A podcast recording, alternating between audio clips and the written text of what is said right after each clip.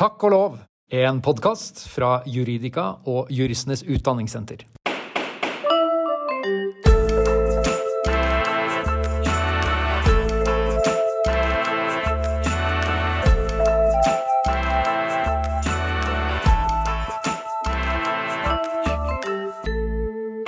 Hei og hjertelig velkommen til nok en episode av Takk og lov, en podkast for deg som lurer på hvordan jussen, og kanskje også juristene, egentlig er skrudd sammen. I dag skal vi snakke om og med makta, nærmere bestemt ordensmakta, om politiets maktbruk. Dette er jo et tema som dessverre har hatt en eh, viss aktualitet det siste året, eh, da i form av det som iallfall for utrente øyne kan se ut som ganske grov misbruk av eh, voldsmakt, egentlig. Det vet man jo ikke alltid fra utsiden om det er, så dette må vi lære litt eh, mer om. Jeg tenker selvfølgelig på denne Kongsberg-saken, som er avgjort i første instans, men nå er anket. Vi kommer ikke til å gå eh, inn på den, i og med at den står for domstolene, men vi kommer nok inn på noen av de punktene som er sentrale også der. Maktbruk er jo egentlig aktuelt hele tiden også, ikke bare i sånne skarpe former for maktutøvelse, men også i bredere forstand. Og med oss til å snakke om dette temaet har vi fått selveste Kai Spurkland. Velkommen, Kai. Takk. Veldig hyggelig at du vil være med. Du er jo ikke bare en fremragende jurist, men du har også en maktforståelse som går langt utenfor den rent juridiske, eh, selv om også den ganske ofte, og egentlig helt avgjørende, er rammet inn av noen regler ofte. Ja. Takk og lov for at du vil komme hit. Veldig hyggelig. Eh, du er altså politiadvokat i Oslo politidistrikt. I tillegg så er du forsker på Politihøgskolen. Du tok din doktorgrad i 2020 om Forsvarets bistand til politiet. Mm. Ja, da skal jeg slutte å skryte, for du er veldig beskjeden, eh, så da blir du flau. Men vi skal jo ha et artig faktum om gjestene våre for å av, gjøre dem litt mindre avskrekkende, og det er jo veldig viktig, særlig for dere som kommer fra politiet, da. Dere er jo litt skumle i utgangspunktet. Um, og da hadde jeg fått inn et fun fact her som minnet meg på en bok som jeg leste for mange år siden, som heter Eats, Shoots and Leaves. Og da er det bilde av en panda på forsiden. Og dette henspiller da på Det er en bok om tegnsetting. For der står det 'eats, comma, shoots and leaves', og det er da beskrivelsen av panda. Men når det komma står sånn, så ser, det, så ser det ut som pandaen spiser, skyter og drar. Så det passer jo godt uh, inn i våpenmakten, kanskje, da. Uh, men grunnen til at jeg kom på den, uh, den tittelen, det var at det fun fact jeg har fått oppgitt om deg, det er at du Altså, jeg oppfatter deg som du er ganske large type, men du liker ikke blader. Er det Kan du utdype? Ja, dette er jo et veldig, veldig voksent trekk. ja. Men jeg har også Jeg har blitt så gammel, nå har jeg bikka 50, og tenkte at nå, nå orker jeg ikke å spise ting bare fordi det skal man gjøre, så jeg har sluttet å spise salat, i betydningen ja. blader. Og det er det du tenker på med blader? Ja. Og det er alle altså, typer salatblader? Tidsskrifter har jeg aldri spist mye av, men Nei, for det var overraskende. så, så, det er uh, rosiner og blader, det, det, er ikke Ja. De to er nå ja. Du er ferdig med dem? Det, nå er jeg ferdig med dem. Ja, Og ikke engang for syns skyld? For syn, hvis jeg er stort sosialt press, så spiser jeg blader og sier mm, sier jeg godt med salat, men, men Men du mener ikke det? Jeg mener ikke det, nei. nei. Nødløgn. ja. ja. Veldig bra. Ok, det var jo også en slags overgang til, til uh, politimakt. Makten til ikke å spise salat. Vi skal snakke litt om politiets maktbruk, og nærme oss det Eh, litt bredt, og så snevre oss litt inn. Hva er makt, skal vi starte med? Skal vi snakke litt om hvilken makt politiet har?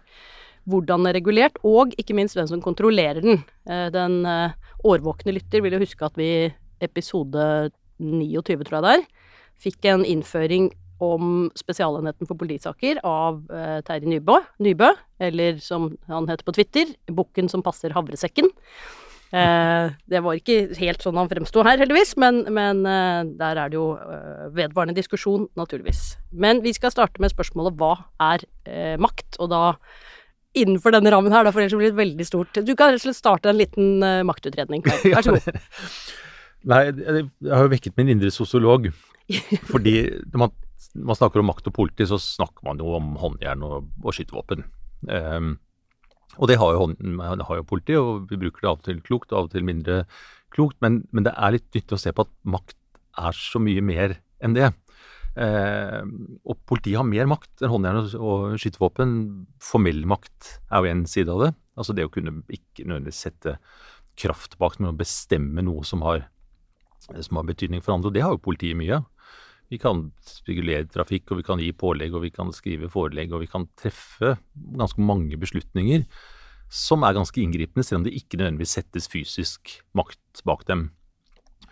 Og så har vi på en måte denne makten som ligger i det som liksom Finn kaller sånn, eh, påvirkningsressurser. Og det er jo på en måte en sånn kombinasjon av kunnskap og overtalelseskunst eh, som mange har. Og det har jo eh, politiet, og den bruker politiet en god del. Eh, så politiet gir jo på anbefaling at vi alt det uskyldige ting om liksom tøm søpla når du drar på ferie og sånt, til liksom at vi ligger unna de veiene der det er rasfare nå er det økt terrortrussel eller noe annet, og vi oppfordrer folk til å forholde seg på bestemte måter. Da bruker man noe av kunnskap og på en måte en, en, en troverdighet, da, forhåpentligvis, som gjør at folk kommer til å innrette seg til det. Det er veldig få som sier at jeg driter i hva politiet sier, jeg kjører ned i en dalen selv om det er farlig, eller eh, sånn. Så, så, på den måten kan også politiet påvirke. Og det kan man gjøre lurt og klokt, og så kan man gjøre det på en måte som det blir diskusjon av. Mm. Og dette ser vi jo annet på dette med, med bruk og besittelse av narkotika. Ja. Der er det, har politiet tradisjonelt vært på, vært på den strenge sida og, og, fremhevet alle farene ved dette, og så er jo det kommet under press. Deler av politiet holder på det ennå og snakker om, om farene og møter mye og dels berettiget motstand på, eh, på, dette. Så det er en sånn brytning hvor politiet liksom utøver en form for sånn, kall det myk makt, og møter myk motstand på det. Ja, det er jo ikke bare Ja, nettopp. Eh, og da tenker du at makten egentlig ligger i at man har både har man en særlig mm, erfaring, kanskje, kanskje ikke nødvendigvis kompetanse på akkurat uh, all forskning som gjelder rus, men, men fordi man i andre sammenhenger har muligheten til å sette annen og hardere makt bak kravene, så blir man lyttet til på en annen måte. Ja, det, og det, da går jo opp mot på symbolmakten også. Fordi det er klart eh, Nå er det ikke autoritetsrespekten det samme som den var tidligere. Eh, og, og, godt er det, for så vidt. Mm. Men det er klart at, eh, at politiet signaliserer en del eh, makt og maktpotensial som folk innretter seg eh, etter. Eh, og det er også et uttrykk for at man, man har en makt som politiet kan bruke. Som politiet står der liksom fullt oppkledd og, og bevæpnet og, og, sånt, så er vi er her. Vi gjør ingenting. Vi pålegger ikke ingen å gjøre noe spesielt. Men hvis det skjer noe, så kommer vi til å brette opp ermene og mm. foreta oss noe. Og det er jo ganske sånn tung symbolmakt uh, i det. Ja, og det kan vel også være i noen grad en uklarhet eller en usikkerhet hos publikum om hva som er lov og hva som ikke er lov, og når anbefalinger egentlig er pålegg? Ja, det er det jo. og jeg vet jo hvor du vil. Nå, vi kan jo begynne på det enkle. for hvis, hvis, eh, hvis jeg i sivil stopper deg på gata og sier eh, hei, kan du svare på et spørsmål? Så føler du deg helt fri til å si nei, det gidder jeg ikke. Mm. Men hvis jeg drar på meg full uniform eh, og sier det samme og sier hei, kan du svare på et spørsmål, så vil det fort oppleves som enten som et pålegg, mm. eller i hvert fall som langt tyngre å si nei. Enn til en vanlig person. Eh, så, så, det gjør at politiet må på en måte være mer varsom og bruke altså, det vi kaller den alminnelig handlefrihet da, mm. ellers. Ja, og det kan kanskje også gi en oppfordring til at man er tydelig på hva som er konsekvent, eller sånn. Man har jo sett i sånne amerikanske filmer at man leser opp rettighetene til folk, at man har rett til ikke å forklare seg osv. Eh, at man er tydelig på hva hvilken kapasitet man spør i, da. Nå spør jeg rett og slett bare fordi jeg lurer på noe. Det er ikke noe du må svare på. Mm. Ja. ja. og flinke politifolk gjør det. Ja. Ikke sant? Du trenger ikke svare på dette, eller jeg, bare, jeg, jeg, stopper deg bare fordi jeg lurer på om du har Vi leter etter en som har rota seg bort, og lurer på om du har Ikke sant. Så, mm. så, og det gjør jo at folk Ser jo da folk skifter liksom litt sånn uh, forståelse av hva de, hva de møter, når man får en forklaring på hva er politiet ute med å utøve makt, eller er man ute liksom, den hjelpende siden? Og politiet er jo begge deler. Ja. Det, gjør at man vet jo ikke alltid hva som kommer. Nei, det er litt sånn dobbelt, ja. Er det eh, Vi skal gå over og snakke litt om hvordan makt er regulert etter hvert, men, men eh, vi underviser jo begge av og til også. Hvordan læres man opp i makt? Altså, En ting er den konkrete maktbruken og grensene for den, men, men tenkning om denne makten som vi er litt mer sånn soft, som vi snakker om nå? Ja. Altså, Jeg kjenner jo Politihøgskolen best, eh, og det er ganske omfattende eh, opplæring i alle sider av makt. Alt fra ren trening i hvordan liksom sette på håndjern og hvordan legge noen på ryggen og eh, og sånne ting. Ganske mye juss Mm. også. Og så er det mye fokus på, på dette med, med å altså, utøve makt og myndighet liksom, i, i vid forstand. da. Og så er det litt krevende er det ikke å sette sammen disse ulike delene. Og det ser vi jo typisk i disse sakene som, som det blir medieoppslag og som havner for retten osv. At, det- at det er liksom, da rører man sammen både hva, eh, hva man vil at politiet skal være som etat, og tillit til politiet, og om man føler at man, det er en trussel eller en beskyttelse, og rent sånn konkret, hadde politiet lov til dette, burde man satt på håndjern der, er dette rimelig å, å gjøre osv. Så, videre. så Så det krever for så vidt en, en god opplæring. og den, den tror jeg er ganske solid på det, men det krever også på en måte at politifolk er kloke nok til å forvalte den, og, og få erfaring til å, til å bruke den og forstå alle aspektene ved, ved makt. da. Det er noe som heter maktpyramiden, eller omtales som maktpyramiden. Kan du kort eh, forklare hva det er for noe? Ja, det er en, det er en hjelpe, en sånn illustrasjon som er en pyramide, hvor du har på en måte den mildeste og mykeste makten i bunnen av pyramiden, sånn som verbal makt. Og så har du på en måte trinn for trinn opp i pyramiden, så blir det skarpere og skarpere og hardere, hardere makt. Så du går via, via samtaler til eh, pålegg, til, eh, til håndmakt, arrestasjonsteknikk, som det heter i politisammenheng. Og så begynner du å finne fram verktøyene. Da er det pepper og batong og håndjern og sånt. Og så kommer til slutt eh, skytevåpen på toppen, da, som det skarpeste maktmiddelet. Ja. Og den er et uttrykk for sånn generelt prinsipp som, som både er eh, rimelighet og sunn fornuft og har kokt jus, nemlig kravet om nødvendighet. At man ikke skal bruke mer makt enn det som er nødvendig. Så man må, hvis man skal litt opp i pyramiden, så må man på en måte gjennom alle trinnene. Og da må Eh, det, er det både nødvendighet og, forholdsmessighet, eller går de litt over i hverandre på et vis? Ja, det er både nødvendighet og forholdsmessighet, og de går over hverandre på mange vis. Men da må vi ha en egen podkast. Vi skal ta den gråsonen der. sånn, så vi, I dag så tror jeg vi skal se på dem som to separate Jeg så, krav. jeg så Kais hjerne begynte å eh, Ja, nettopp. Nei, men det, det var eh, fint. Altså, vi Litt om hvor og hvordan eh, makten er regulert. Den makten som politiet kan bruke. at eh, Noe av det er at den er jo regulert på veldig mange forskjellige steder, og på veldig mange ulike nivåer, og på veldig mange ulike måter. Så hvis vi tar det fra toppen, så er det jo mange bestemmelser både i Grunnloven og ta EMK, da, som er den mest sentrale menneskerettighetskonvensjonen, som er direkte bestemmende for når man kan bruke makt. Men det er veldig overordnede regler. sant? Inngrepene skal det skal ikke skje inngrep. Makt vil nesten alltid være inngrep, og da må de være lovhjemlet, og de må være nødvendige, og de må være forholdsmessige og ivareta et bestemt formål osv. Så, så Så det danner sånn en ytre ramme. Og, og det er ikke noe det er ikke måte bare sånn teori og sånn, sånn en høy himmel over det. Det er veldig mange saker i Menneskerettighetsdomstolen, EMD, om f.eks. håndjernbruk. Er det et, eh, og da går det både på om det er eh, et bud på artikkel 3 om tortur og nedverdigende menneskelig behandling, og om det er inngrep i, i privatlivets fred. Så er det helt sånn konkrete vurderinger av det. Men selve reglene er jo ganske runde. Så du blir liksom ikke så klok på når kan politiet bruke håndjern.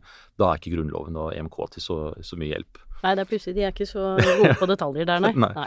Og så har du, har du lover, og det, på, det har vi ikke så veldig mye. Vi har én bestemmelse i politiloven som sier at politiet kan bruke makt i tjenesten når det er nødvendig og forsvarlig. Og det er stort sett det den sier. Så har vi en egen bestemmelse om bruk av skytevåpen, vilkårene for å bruke skytevåpen. Eh, og det er stort sett det vi har på lovsnivå. Hva er det som står om skytevåpen, da? Da er det, det er en litt detaljert bestemmelse som, som sier noe om hvor, hvor stor trussel altså den, den sier to ting. At du både kan, bare kan bruke skytevåpen mot visse kvalifiserte trusler, altså liv og helse og, eh, og lignende, og at det må være absolutt nødvendig å bruke skytevåpen. Så det, det er ikke noe man kan gjøre sånn av komforthensyn og hensiktsmessighetsgrunner. Du må, ha, du må være tvingende nødvendig eh, i litt, litt ordrik måte å beskrive det på. Og så eh, detter vi nedover i, i forskrifter og instrukser, og der begynner detaljene å komme. Ja. Eh, Politiets våpeninstruks er en ganske sånn omfattende forskrift som regulerer veldig mange detaljer rundt uh, skytevåpenbruk. Og så har vi ikke samme detaljgrad, men noe grad lignende på, altså på håndjern. Eh, suppleres av en del rundskriv og sånt fra Politidirektoratet som handler om bruk av hund og pepper og batong og, og noen andre maktmidler. Og, og det aller mest detaljerte nivået, det er egentlig det som ikke er regler i det hele tatt. For det er prosedyrer og opplæringsmateriell eh, osv. som typisk ligger til grunn for det man lærer på Politihøgskolen og i opplæring og sånt i eh, politietaten. Og de peker domstolene ganske ofte på når det er saker om dette her. For hvis Ja. man har brutt disse Altså ikke gjort det som står i, i boka om arrestasjonsteknikk, så har politiet et forklaringsproblem. Og har man gjort det på den måten som står der, så vil ofte utgangspunktet være at da er dette en forsvarlig eh, maktbruk. Så selv om det ikke er regler i det hele tatt, så er det ofte de som er ganske sentrale å sette rammene for hva politiet konkret kan gjøre når de anvender makt. Ja. Du nevnte, du sa innledningsvis at uh, maktbruk vil ofte eller nesten alltid være inngrep. Gjelder det også den type softmakt som du snakket om innledningsvis? Type anbefalinger, eksempel? Ja, ja det, det er det jo mange meninger om, har jeg hørt. Ja, det var interessant å, å høre din vurdering av det. Du Nei. jobber jo mye med den type spørsmål. Nei, det er jo, altså Dit du vil er jo til, til avlysningen av minnemarkeringen etter pride i, i fjor. Ja, for der ble det lagt til grunn at den Altså, det var jo en forferdelig hendelse, og man fikk en vurdering som ledet til en anbefaling om at man skulle eh, utsette en minnemarkering. Ja. Og den, eh, det utvalget som vurderte dette etterpå, det kom frem til at den anbefalingen var et inngrep. Mm. Og så har Norges institusjon for menneskerettigheter, som jeg også er tilknyttet, eh, selv om jeg ikke har utarbeidet den vurderingen, de har sagt at det ikke er et inngrep. Mm. Så det er jo et rettslig spørsmål. Og så er begge enige om at politiet ikke kan ta lett på jussen. Det tror jeg alle er enige om. og Jeg tror Ja. alle er enige om at konsekvensen av dette uansett ble dårlig. Nei, og det, det, er jo, altså, det er jo litt frustrerende når liksom to så kompetente miljøer kommer til diametralt motsatte eh, konklusjoner, men det er jo veldig illustrerende på, på at dette er vanskelig også. Og, og jeg tenker at eh, du kan klart være et inngrep selv om du ikke har brukt fysisk makt eller formell makt. Det, kan det, det mm. mener jeg det kan være, men da må man ha opptrådt på en måte hvor folk i realiteten opplever at de har en plikt eller ikke har noen reelle valgmuligheter. Eh, eh, da kan man gjøre det. Om det var tilfellet i disse sakene her, det La oss si at jeg syns det er litt åpent, da. for, å, for å legge til den diplomatiske siden av det. Ja. Um, Vi trenger ikke å bore nærmere i det, men, men eh, bare for å rekapitulere, for det du snakker om er egentlig at eh, Og da tenker vi litt sånn ut fra de vurderingskriteriene som gjelder etter menneskerettighetskonvensjonen, men som til dels også er strukturen etter norske grunnlovsbestemmelser, nemlig eh, du må ha hjemlig lov for å drive med maktbruk. Mm. eh, du må vurdere om det er et inngrep, sånn som vi var innom. Det, hvis det er det, så må du ha hjemlig lov. Det må være nødvendig og det må, for å ivareta et eh, legitimt formål, og det må være forholdsmessig. I den nødvendighets- og forholdsmessighetsvurderingen, er det noe Jeg skjønner at det må foretas helt konkret, men er det noen mer sånn generelle utgangspunkter for de vurderingene? ja, nå tenker du på maktbruk Ja. når vi, vi har forlatt pride. Vi har forlatt, Ja. forlatt uh, Pride, det eksempelet, ja. Ja. Bare siden det var et spørsmål. Ja. Ja. Ja, altså jeg kan jo Hvis jeg bare får sånn, ta liksom, Det er litt viktig man snakker om, om de rettslige rammene for maktbruk. Så pleier jeg liksom å, å løfte fram to ting som er, er essensielt. Eh, og det ene av disse, det, det handler om lovhjemmel. Altså makt må alltid ha en lovhjemmel. Og det andre er dette at det må være nødvendig og forholdsmessig. Det slår jeg de to sammen som et, mm. et krav. Og, og det nær sagt alle ganger politiets maktbruk blir prøvet av noen, enten det er eh, arbeidsgrupper eller domstolene eller spesialenhetene eller hvem det måtte være, så er det disse to spørsmålene man står og, og gnager på, særlig dette med nødvendighet og forholdsmessighet. Det er nesten alltid det som er avgjørende. Så, så rammene for politiets bruk av makt er på en måte veldig komplisert, men det er også veldig enkelt. Er det nødvendig og er det forholdsmessig, så er det lov. Er det ikke det, nei, da er det ulovlig. Og, og selv de mest liksom, inngående høyesterettsavgjørelsene, så er det alltid det det koker ned til. Um, Nå husker jeg ikke hva som var spørsmålet, men Nei, jo, eh, det var bra spørsmål, det. Det var, eh, det var bra svar, mener jeg. Ja. ehm, for det, du var, var liksom inne i hvilke vurderinger som skal til når man skal vurdere nødvendighet og forholdsmessighet. Hva er det man ser på, egentlig? Er det, er det om rutiner er fulgt? Er det hvor mye makt som har vært utøvd? Mm. Er det Hva er det for noe? Ja, det har, altså, det har vært en god del saker om det, og, og mange avgjørelser for Spesialenheten. Nå er jo de bare et uttrykk for hvordan de vurderer det, men, men det er ganske sånn sammenfallende med det vi ser av rettspraksis. Og det er på en måte noen type eh, momenter som, som er helt gjennomgående når, eh, når det blir vurdert. Og det ene er på en måte hvor alvorlig situasjonen er. Altså er det, er det bagateller, eller snakker vi om, om eh, situasjoner som, hvor det kan bli veldig kritisk. Og det er særlig som hvis politiet ikke griper inn. Hvis politiet holder seg i bakgrunnen, hva, hvis det da kan bli sånn få fatale konsekvenser, så økes rammene for maktbruk eh, vesentlig sammenlignet med hvis det er mer bagatellmessige eh, ting det dreier seg om. Så det er liksom det er startstedet, på en måte. Og noen av de sakene hvor politiet har blitt dømt for ulovlig maktbruk, så er det ofte en kombinasjon at det er bagatellsaker. Det er folk som er kranglete i trafikken. De gidder ikke rulle opp vinduet, de gidder ikke vise fram førerkortet. De, de er sånn, og så er de provoserende og irriterende tilbake. Og så eh, mister politiet tålmodigheten, og så blir, blir de hardhendte. Og så sier man at dette var ikke nødvendig, og det var ikke forholdsmessig, og politiet skal ikke la seg provosere av dårlig oppførsel. Og så blir det eh, bot for eh, maktmisbruk, da. Ja. Det, så det er liksom det er en gjenganger på de sakene hvor politiet blir felt. Eh, et annet moment som er sånn veldig sentralt, er også den tiden politiet har til rådighet. Eh, fordi om man skal bruke makt, det er jo egentlig en, en slags sånn saksbehandling. Eh, men så byggesaker, da har man god tid. Det har man ikke når du liksom løper ut til melding om en mann med kniv eh, utenfor et utested. Da kan du ikke sette deg ned med en kopp kaffe og, og, og lese papirene i ro og fred og finne ut hva er det riktige her. Du må, du må handle eh, umiddelbart. Og der eh, Det er bare de byggesakene hvor noen går til angrep på noens uthus med en motorsag og sager litt? ja, da, blir det, da kan fort politiet komme på banen nå. Ja. Men, men det med, hvis det er liten tid til rådighet, og det er det ofte, så, så, er det jo noe med at det påvirker politiets situasjonsbilde. Man mm. vet jo ikke hva man står overfor. Det kom, det er en melding om en mann med, med kniv. Det kan være en mann med skohorn. Det, det, er faktisk overraskende ofte at machete viser seg å være sånn langt, blankt skohorn som du bare har i skobutikkene. Det Folk surrer rundt med det på gata, og så ser folk machete, og så kommer politiet. De er egentlig bare utrolig opptatt av skovelferd, og ikke tråkke ned helkappen sin. Ja. ja.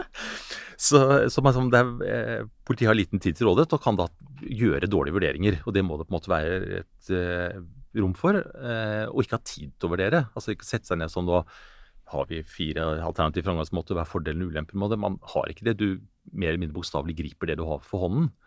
Og så er det ofte det at eh, det vil ikke være andre ressurser tilgjengelig. Hvis man kommer, er én patrulje, man står der, og det man har er man har pepper og batong og ganske stor motstand opp for seg, da bruker man pepper og batong. Ideelt sett så kunne man ventet og fått to andre patruljer, og så kunne man håndtert det på en mildere måte, men de er ikke her, og de kommer ikke på en halvtime. Og da må man håndtere det med de virkemidlene man er. Så det er sånn, sånn gjengangermoment. Mm. Um, og det slår begge veier. Så når, når, det er dårlig tid, så gis politiet mye slack i maktbruken. Når det ikke er dårlig tid, så sier man at her kunne man venta. På grunn av det hastet ikke å gripe inn. Man kunne avvente situasjonen. Vente til det kom eh, forsterkninger, og så gjort et nytt og mildere forsøk der. Så det slår begge veier. Mm. Eh, og så er det det som er litt sånn vanskelig og spennende, er jo sånn hvem, hvem man retter makta mot. Og det er, En ting er på en måte om det er noen som kan bebreides eller ikke, altså kall det skyldig eller ikke. da. Retter man som makt mot en som selv har skapt situasjonen, man har gått løs på noen, og så må politiet stoppe det, så Ja, eller de med det skohornet som viser seg Altså, ja, at altså, du de, skaper en situasjon som blir uoversiktlig og vanskelig. Ja, men ja. de gjør det på en måte uten å være klar over det, da. Men de som på en måte Altså, har du gått løs på, en, på noen, ja. så har du stilt deg i en situasjon hvor du kan vente at politiet kommer til å gripe inn. Så rom som adgang til å bruke makt mot noen som har, kan bebreides, den er mye romsligere enn mot uh, utenforstående. Um, og så er det jo sårbarheten til det man griper inn overfor, er jo også et, uh, også et moment. For du har jo som uh, typisk barn, psykisk syke, somatisk syke for så vidt. også da virker fort maktbruken mye verre. Mm. Det å bli lagt av bakken, i bakken av politiet hvis du er frisk og rask og 25, det er mindre ille enn hvis du er, eh, er 15 eh, år og rusa og forvirra. Så, så, så, det har også noe å si for, eh, for hvor mye politiet har å gå på, da. Mm. Det, men det som ytterligere kompliserer det, er at noen ganger så griper politiet inn med makt for å ivareta den personens interesser. Og det vil jo typisk være psykisk syke, eh, gjør ting som ikke er til ditt eget beste, eller mindreårige. Ikke sant? Har rømt hjemmefra, er et sted de definitivt ikke burde være. Politiet kommer, de nekter å bli med. Politiet bruker makt for å få dem vekk, enten mm. hjem eller til barnevernet. Og da får du sånn to hensyn som haler og drar ganske sterkt i hver retning. At denne maktbruken er ganske brutal. Her kommer uniformert politi trampende inn eh, og sleper en 14-åring eh, med seg ned, ned trappa. Det, det, er ganske brutalt. Men det er i 14-årings interesse. Mm. For å være her, det, det er i det lange løp en, en veldig, veldig dårlig idé. Ikke sant? Så der, der står på en måte, Du står med denne berømte vektskåla, da, Ja. hvor du vurderer forholdsmessigheten, og så har du på en måte veldig mye vekt på begge sider. Veldig krevende å løpe rundt operativt politi med, de der, med den vektskålgreia på ryggen og de der to vektskålene som du hele tiden skal være i balanse, da. ja, og det er, er for så vidt et, et bilde som ikke er helt dumt. Og det er jo noe av grunnen til at eh, du må kunne teorien din som Mm. politi, og så må du også på en måte ha utviklet det å anvende den eh, i virkeligheten. Og det er kanskje vel så viktig som å kunne teorien. Jeg vet ikke om det er noe studie på dette, men vi har jo fått en vesentlig bedre politiutdanning eh, eh, enn vi hadde i gamle dager. Er dette, blir det bedre, eller blir vi verre? Det, det kan jeg ikke svare på. Nei. Det er helt sikkert noen som kan svare på det, men det, det kan ikke jeg. Vi, vi håper at uh, det ble bedre. Vi håper det kan vi gjøre. så var det jo en veldig dum investering. Ja. Eh, ok, men eh, nå har vi, dette er veldig bra, Kai. Nå har vi snakket litt om si, de mer overordnede tingene, og nå er vi blitt litt mer håndfaste. Mm. Eh, med disse eksemplene som du bruker, gjør det jo veldig tydelig for oss. Men du har nevnt, hva det du har nevnt? Du har nevnt pepper og batong. Hvilke, hvilke maktredskaper er det egentlig man har? Ja, det er jo, Politiet har en verktøykasse som, hvis du bretter den helt ut, som er ganske Og nå, eh, for en gangs skyld, så er det da et offentlig vesen som snakker om verktøykasse, ikke i overført betydning. Dere har rett og slett en kasse med verktøy. ja, det, ga- langt på vei så har vi en kasse med verktøy. Ok, hva bor oppi den? Ja. Altså, eh, håndmakt eller arrestasjonsteknikk er jo selve liksom, basisen, og det er jo alt du gjør før du har åpnet verktøykassa. Bokstavelig talt. Klappe på skulderen?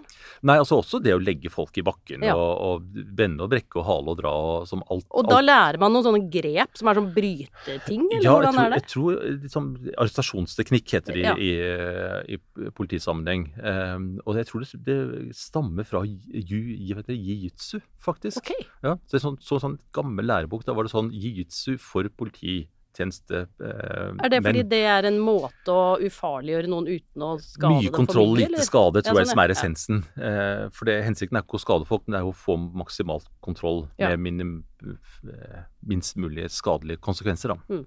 Som er basisen. Så det er liksom eh, kjernen. Og så er det håndjern, selvfølgelig, som er liksom en forlengelse av det. Og så har vi spyttbeskytter. Er sånn, Hva er det for noe? Det, det er en slags sånn maske som hindrer spytting. For du har noen som er spytter notorisk på Som du tar på deg selv, eller som du tar på den som spytter? Som du tar på den som spytter. Ja. Mm. Og mye, mye oppmerksomhet og ulike syn på eh, spyttmasker, fordi eh, de kan oppleves nedverdigende. Det er Er det skremmende? Er det å få sånn pose over hodet, nærmest? Eller? Ja, det kan nok De moderne er det er veldig mye Det er gode pustemuligheter, og du ser godt og alt sånt. og Du trenger ikke få tredd en hette over hodet. Um, men liksom improviserte løsninger kan jo være veldig, veldig eh, skremmende. Uh, men så er det også noe med både at de kan redusere liksom pustemulighetene, men kanskje enda mer at det er vanskeligere å bedømme pust. Ja, sånn, Så hvis du, har, så hvis du, Du har på en sånn maske, så det det reduserer ikke evnen til å puste så veldig, men det blir vanskeligere å se om Vedkommende har det bra bra med Ja, rett ja, og slett. Så det er veldig strenge vilkår for å bruke den, og, og, og det ble jo stoppet etter noen, noen eh, Man fant ut at det var noen faremomenter som man ikke hadde tatt tilstrekkelig høyde for, og så ble det gitt nye regler i år faktisk Mm. om dette, og noen nye masker som skulle være enda sikre. Men det er, det er en klart omstridt eh, maktmiddel, da. Og så er det pepperspray og, og tåregass. Ja, hvordan funker det? Det har jeg bare Altså- lest om. Ja, altså, eh, pepperspray går på alle politifolk rundt med hele tiden. Og Det er Ja. to sånne små beholdere, og det er, det er chilipepper, rett og slett. Um, og det virker fordi det gir For det, vi også som har skåret chili og gnidd oss i øynene etterpå, skjønner Ja. at det er ikke så godt. Nei, Nei. Det, er, det er hardcore-varianten av det. Okay. Um, så det, det virker at du blir eh, Man blir helt satt ut. Altså det svir noe inn i helvete, for å si det Mm. eh, varsomt. Og man får Det blir vanskeligere å puste og alt sånt, så man blir på en måte sånn passivisert eh, ved det. Med mindre man Noen reagerer veldig lite på det, og, og folk som er, er utsatt på amfetamin, kokain, sentralstimulerende, reagerer ofte lite på det. Så det er sånn, På noen virker det veldig kraftig, og noen virker det ikke i det hele tatt.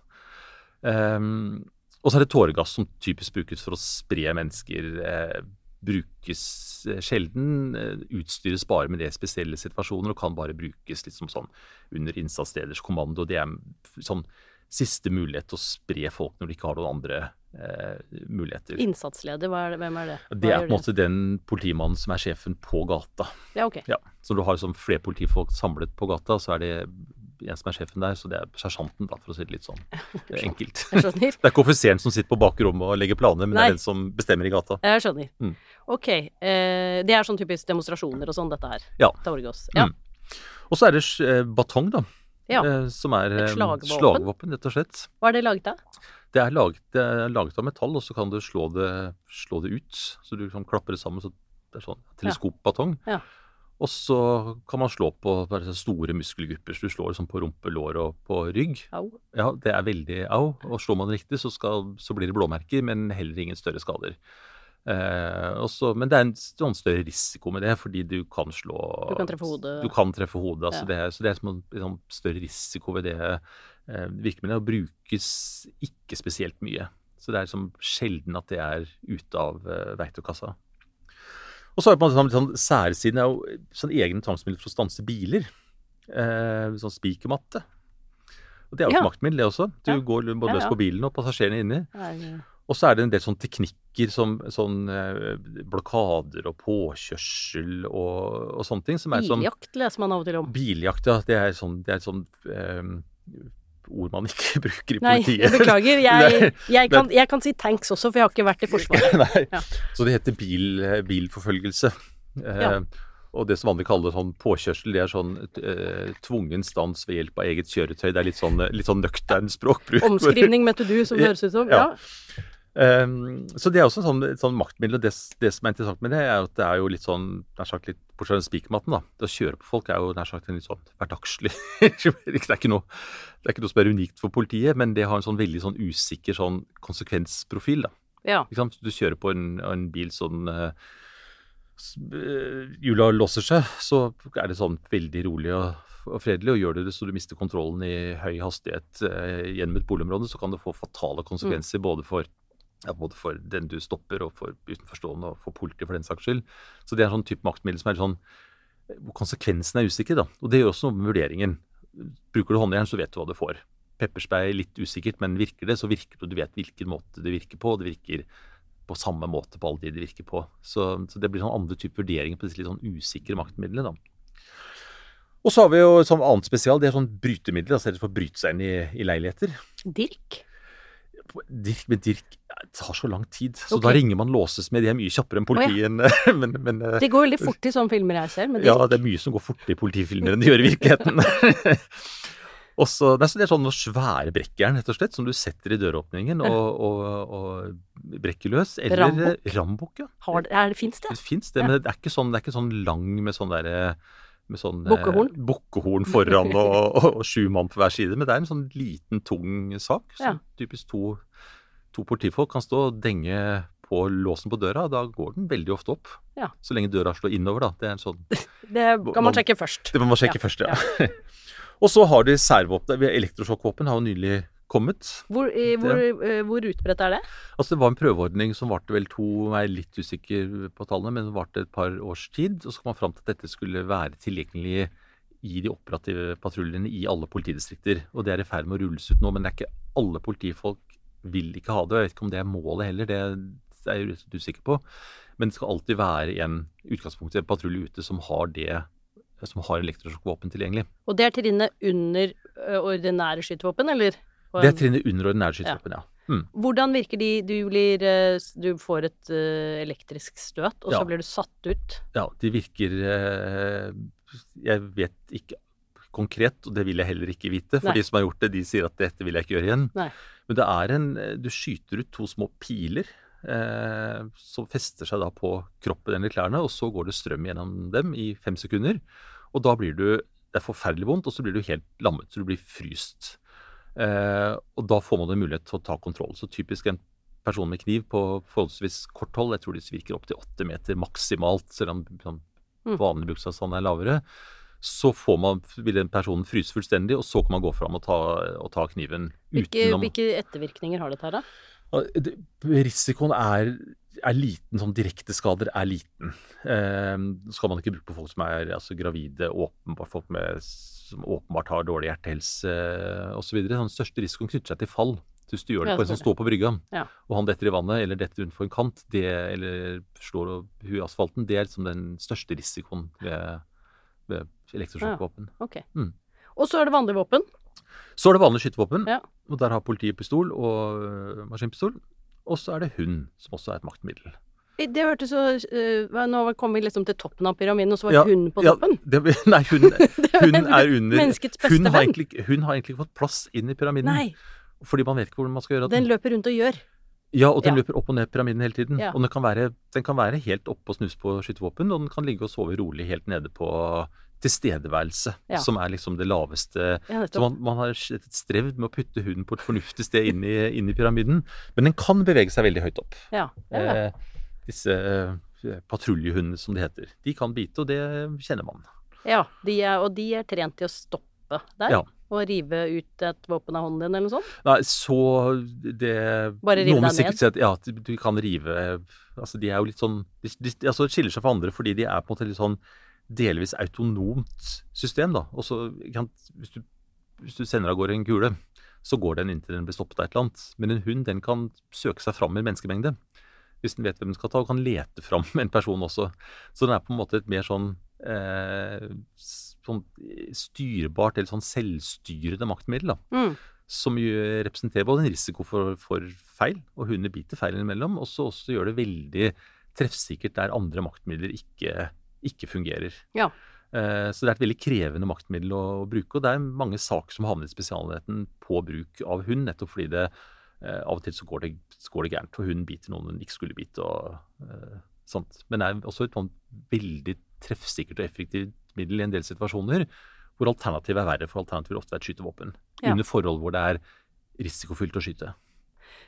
Eh, dette, jeg kjenner at det, disse gory details er jo egentlig det jeg syns var mest spennende. Men nå skal vi gå litt videre, fordi du nevnte Spesialenheten. Vi må snakke ørlite grann om eh, kontroll av maktbruk. Mm. Spesialenheten for politisaker eh, etterforsker saker der politiet har gått ut, eller kan ha gått utover sin maktbruk. Mm. Men det, og det er både der og domstolen eventuelt som, som kontrollerer maktbruken, er det da? Ja, altså det eh, en, den, som den mest sånn håndfaste måten å kontrollere politiet på generelt, da, men også fysisk makt, det er jo, det er jo domstolene. Så da anmeldes det Spesialenheten, og så blir det etterforsket, og så blir det tiltale, og så blir det dom. Eh, det er jo på en måte veldig sånn tydelig, og de, de sakene Og ofte så er det prinsipielle saker. Det er mange saker som havner i Høyesterett, og noen til og med flere ganger i Høyesterett på Ja. samme sak. eh, Før man lander det. De, de blir jo veldig sånn stor innvirkning på hvordan man ser på rammene for politiets bruk av makt. Men, men det er spesialnettene og domstolene har sånn veldig klare begrensninger, fordi først så må det jo komme til spesialnettens kunnskap, og da må noen ta seg bryet med å, med å anmelde det. Um, og så skal det jo etterforskes, og da kommer jo alle disse rettssikkerhetsgarantiene som alle siktede har, selv om de egentlig vanligvis pleier å være politi og stå på når du er en politimann eller kvinne plutselig er siktet, så har man alle de rettigheter som er der, og da skal all rimelig fornuftig tvil komme det siktede til gode. Så, så det er eh, Og det ser man ofte at liksom eh, retten er i tvil, men, men alt i alt funnet at det ikke er grunnlag for å konstatere at det var eh, unødvendig uforsvarlig maktbruk i situasjonen, men man åpenbart har vært i tvil. Og så lar man den tvilen komme tiltalt til gode. Så det gjør at det er på en måte ofte de, de klare tilfellene Det er på en måte mye sånn kritikkverdig maktbruk som ikke fører til dom. Eh, fordi eh, ja, Både fordi tvilen kommer til gode, terskelen er høy, tjenestepersonens subjektive oppfattelse Man kan ha misforstått, trodd det var en kniv, det var en mobil, og så man handlet ut fra kniv, og så viste det seg at det var Mm. helt overdrevent, men han trodde det var en kniv, og da, da var det riktig. Så, så, så det er på en måte det er en helt nødvendig del av kontrollen med politiet, men den, kan kan, man kan ikke bare basere seg på den. Eh, Skal man kontrollere politiet, og særlig maktbruk, så må man ta i bruk andre, andre midler også.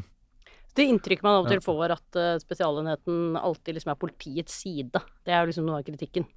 Ja, og det, det, det skjer jo med alle sånne organer i, i alle land. At, eh, det er jo veldig veldig mange saker som henlegges. Um, Er det mange- flere saker som henlegges der enn andre typer anmeldelser? Det tror jeg. Det, jeg kan ikke tallene, men jeg tror jeg det er. Og det, men når man ser på det, så er det, er det veldig mange urimelige, eller åpenbart saker som aldri vil føre fram. Så mange av de henleggelsene er helt, helt åpenbart riktige. Jeg ble anmeldt for noen år siden selv en gang for grov uforstand i Det må være riktig at ble henlagt. Ja, og det var fordi jeg, jeg hadde henlagt et sykkeltyveri. Så sykkeleieren mente at det var en grov tjenesteforsømmelse at jeg hadde henlagt det sykkeltyveriet. Ja. Så den, det ble ikke noen langvarig etterforskning i Spesialenheten på det. Nei. Jeg tror det var en helt grei avgjørelse.